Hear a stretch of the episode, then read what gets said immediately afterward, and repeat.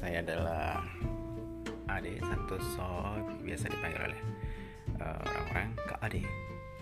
Dan inilah podcast uh, pertama saya, uji coba bagaimana pakai aplikasi podcast uh, Anchor maksud saya dan di masa pandemi itu membuat hikmah ada hikmah tersendiri yang akhirnya bisa membawa saya ke dunia seperti itu. Dan semoga ini menjadi berkah bagi semua.